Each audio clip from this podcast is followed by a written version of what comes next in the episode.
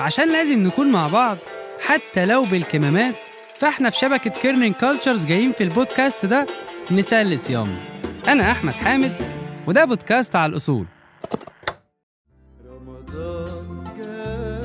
رمضان شهر الخيرات أكيد شهر الحكايات ده كده كده. رمضان كمان شهر الذكريات وبطولة العالم في العزومات. وعزومات يعني كنافة بالجبنة كنافة بالمانجا كنافة بالنوتيلا. ويا عالم السنة دي هتبقى بإيه؟ حاجات كتيرة بنلاقي نفسنا بنرجع لها ونعملها كل سنة في شهر رمضان من غير ما نفكر. في كل حلقة هعرفكم على طقس من طقوس رمضان. والتاريخ العجيب اللي وراه.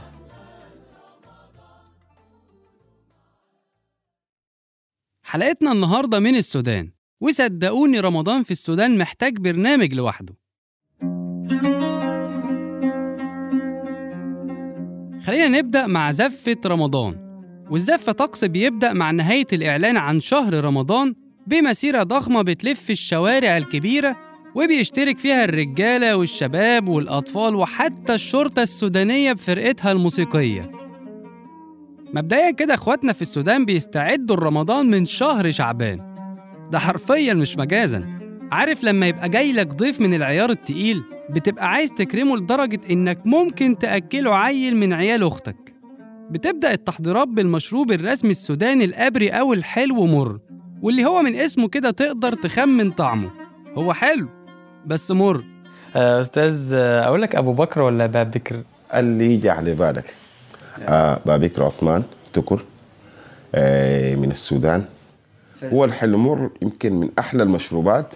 أنا ما بعرف ليش سمي بالحلمر لكن تسميته يمكن تكون جات من البروسيس من عملية إعداده. يعني الحلمر عشان يتعمل بيتعمل من أصناف كثيرة جدا جدا. بداية بالذرة. الذرة؟ أيوه. ماشي. بيجيبوا الذرة بيغسلوها بيبلوها بيفرشوا. شوى الخيش؟ وبيتحط على الذرة بتتخطى على الخيش. تمام. وبيتغطى بخيشة ثانية.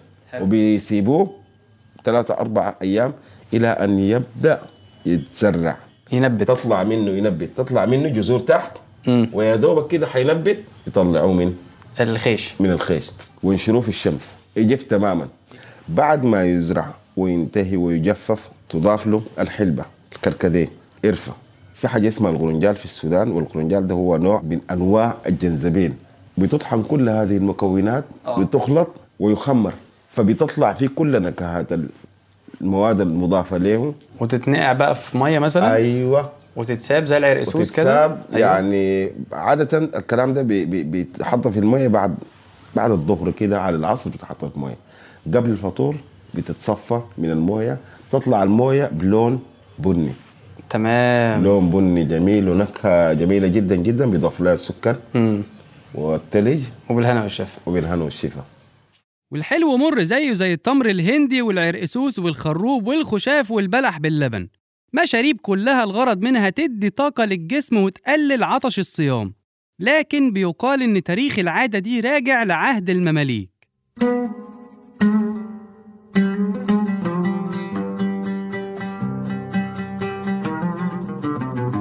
واللي كانوا بيدوروا على مشروب جنب الفطار يعوضهم عن شرب الخمرة.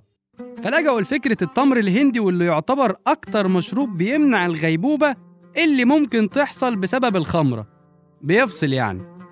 أما بقى مع قرب أذان المغرب فبيبتدي أهل كل حارة يتجمعوا وكل واحد يجيب اللي فيه النصيب عشان يقعدوا مع بعض فيما يعرف بالفطار الجماعي أو الديش بارتي السوداني. وفكرة المائدة بترجع للخليفة العزيز بالله الفاطمي واللي كان بيطلع تقريبا 1100 طبق يوميا من قصره لمحيط جامع عمرو بن العاص في القاهرة واللي كان بيقعد يسمع في بلكونة قصره القرآن والابتهالات لحد أذان المغرب. لا وكمان بيرجع يشارك شعبه الاحتفالات وحضور حلقات الذكر لحد ميعاد السحور. لا إله إلا الله.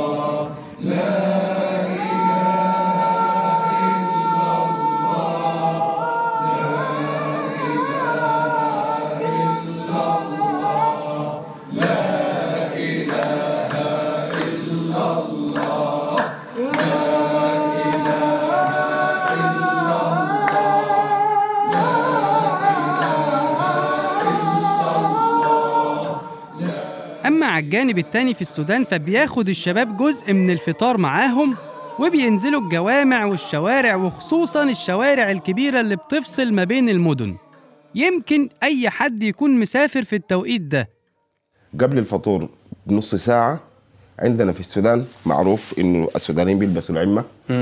فبيطلعوا الشباب بيقفلوا الشوارع بالعمم. يعني بيمسك واحد العمة من اول الشارع والثاني من آخر الشارع بيثبتوا العربيات عشان ما تعديش. أوكي. فبيجي الواحد يقول لك لا أنا من هنا من الجزيرة مثلا أو من مدني وحفطر بعد خمس دقائق من هنا. بيأكدوا منه بحلفوه بيستحلفوه في كل الكتب السماوية بيأكد إنه فعلا هو من البلد وحتى شايل حاجته بتاعت الفطور فبيتركوه.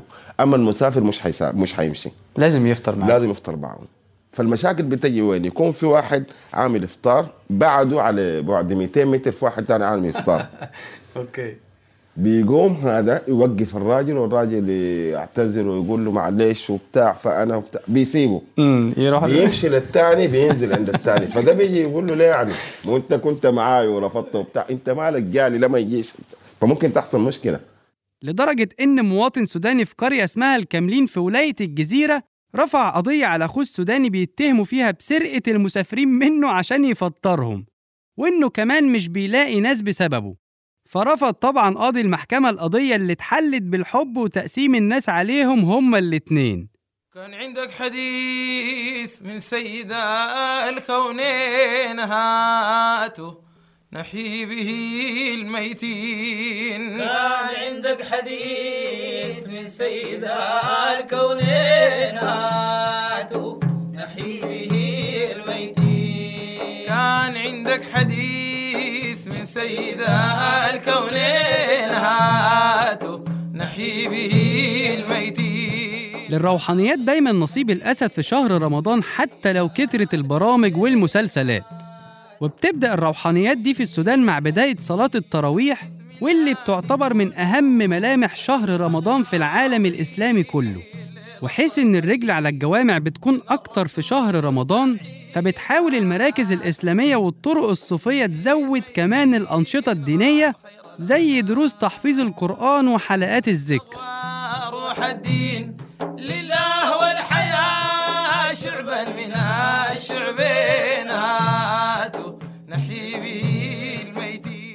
والصوفية وإن كانت موجودة في العالم العربي كله إلا إن حضورها في السودان لا يستهان بيه لأنه في السودان في أكتر من 40 طريقة صوفية منتشرة بطول السودان. أشهرهم الطريقة القادرية والطريقة الختمية والمهدية والتيجانية والشاذلية اللي بتعتبر أقدم طريقة في تاريخ التصوف في السودان. فتلاقي إنه الطرق الصوفية الموجودة في السودان كلها في رمضان برنامجها يكاد يكون موحد. ليه؟ الإفطارات بتكون متوزعة. يعني يوم تلاقيهم فاطرين مع البرهانية يوم مع القادرية يوم مع السمانية يوم مع كذا يوم مع كذا يوم مع كذا. في نفس السياق بتلاقي الطرق الثانية بتعمل دعوات خاصة. مثلا إحنا اليوم ندعو الطرق الصوفية الموجودة في منطقة آه، ود مدني اللي هي الجزيرة المدينة بتاعتي إنه الإفطار اليوم آه، السادة القادرية عندهم الافطار الجماعي السنوي بتاعهم. كل الطرق الصوفية بتمشي. بعد الإفطار بيكون في إنشاد بيكون في دروس دينية بيكون في ذكريات بيكون يعني بيكون في برنامج برنامج مختلف. القلوب الميتة منذ سنين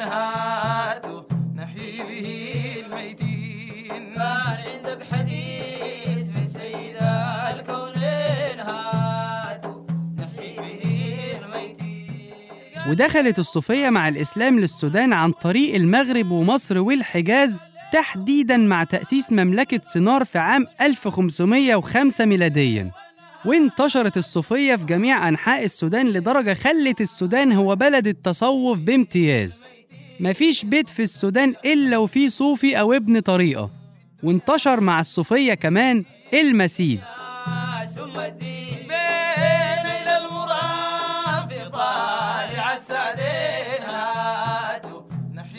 والمسيد من أشهر المؤسسات الدينية المعروفة في السودان. وهو عبارة عن جامع كبير ومدرسة لتحفيظ القرآن وعلومه وبيتقال عليها أحيانا خلوة. والخلوة دي عادة بيكون فيها مطبخ كبير للطلبة اللي بتحفظ القرآن والضيوف ولأي حد محتاج أو عابر سبيل. وبيتحمل شيخ كل طريقة تكاليف معيشة الطلبة في المسيد واللي ممكن يوصل عددهم ل 500 طالب من سن 7 ل 18 سنة. وكلمة مسيد في الأساس جاية من كلمة مسجد إلا إن أصل نطق الكلمة راجع لقبائل بدو الحجاز اللي احتك بيهم الصوفية في البداية واللي متعارف عندهم تبديل حرف الجيم بحرف الياء. الخلوة عندنا نظام مختلف. الخلوة بتبدأ من صلاة الفجر. الشباب والأطفال والناس اللي بيكونوا في الخلوة بيصلوا الفجر بيجوا بعد الفجر بيقعدوا يقرأوا إلى طلوع الشمس. وما بعد ذلك. تمام. بعدها في طرق وفي في المناطق اللي هي ال- ال- ال- الخارج المدن الكبيرة بيطلعوا بيمشوا على الخلا. الخلا يعني؟ آه المناطق الخارجية. تمام. يعني بيمشوا الصحراء زي ما آه بنقول تمام. تمام. بيجيبوا حطب وحاجات زي دي يحطوها وين؟ في الخلوة. عشان ينطبخ منها الأكل. يعني محل بيحضروا فيه الأكل وبتاع والأكل فيها بيوزع مجانا للدارسين. ودائما الخلاوي تدعم من الخيرين ومن كذا. قبل الظهر بيقعدوا يدرسوا تاني وبيرتاحوا بعد الظهر. العصر بيبدوا تاني يواصلوا لحد وقت آه، قريب المغرب بياخدوا ريست بيصلوا المغرب. بعد المغرب بيكون عندهم دروس شرعية أو فقه. بعد العشاء مباشرة بيبدأوا تاني في قراية تحفيظ تحفيظ القرآن الكريم. بس في شيء غريب جدا جدا جدا في المسيد وفي الخلاوي. بتلاقي واحد بيف بي- بيقرأ في سورة ياسين واحد بيقرأ في البقرة والثاني في الإخلاص والرابع في المجادلة والخامس في المطففين كلهم بصوت عالي. والمشرف عليهم لو واحد من الخمسين غلط. بيقول له فلان بيصلحه صلح الثاني والثالث وبيقرأوا بصوت عالي. طب تقريبا في كام مسيد في السودان؟ لا تحصى ولا تعد. يعني مستحيل يكون في حي خاصة في المدن الصغيرة ما يكون فيه أكثر من مسيد يعني مثلا أنا عندي في مسجد في يعني في أكثر من مسجد لكن أنا زوجتي من, من, سنار. بيتهم حوله في أربعة. في نفس المكان. في نفس المكان يعني بس المساحة بتاعتنا دي. أيوه. جارتها من هنا بتدرس النساء تحفيظ بعدهم بشارع في واحد بيدرس الأطفال تحفيظ وبعدهم في زي زاوية أو مسجد بيدرسوا فيه. فبتلاقي في أي مج... في خاصة في في منطقة النيل الأزرق والمنطقة بتاعت يعني في أي ركن بتلاقي في مسجد لتحفيظ القرآن الكريم وعلومه. ودي كانت رحلتنا النهاردة من السودان الصوفي. نتمنى يا رب تكونوا اتبسطتوا ونتقابل في حدوتة جديدة ومشوار جديد لبلد عربي جديد. الحلقة دي من إعداد وتصميم صوتي أحمد حامد ساهم في الكتابة محمد يحيى تحرير نادين شاكر تدقيق حقايق لينا الديب دعم تحريري شهد بن عودة وهبة عفيفي إشراف صوتي محمد خريزات ومكساج بول ألوف غنى وعزف الموسيقى لعمر كروان وأغنية رمضان جانا الفابريكا باند للمسرح الغنائي. حابين نشكر الأستاذ بابكر عثمان التكر لوجوده معانا في الحلقة. وكان معاكم على الحديدة أنا أحمد حامد والبودكاست من إنتاج شبكة Kerning Cultures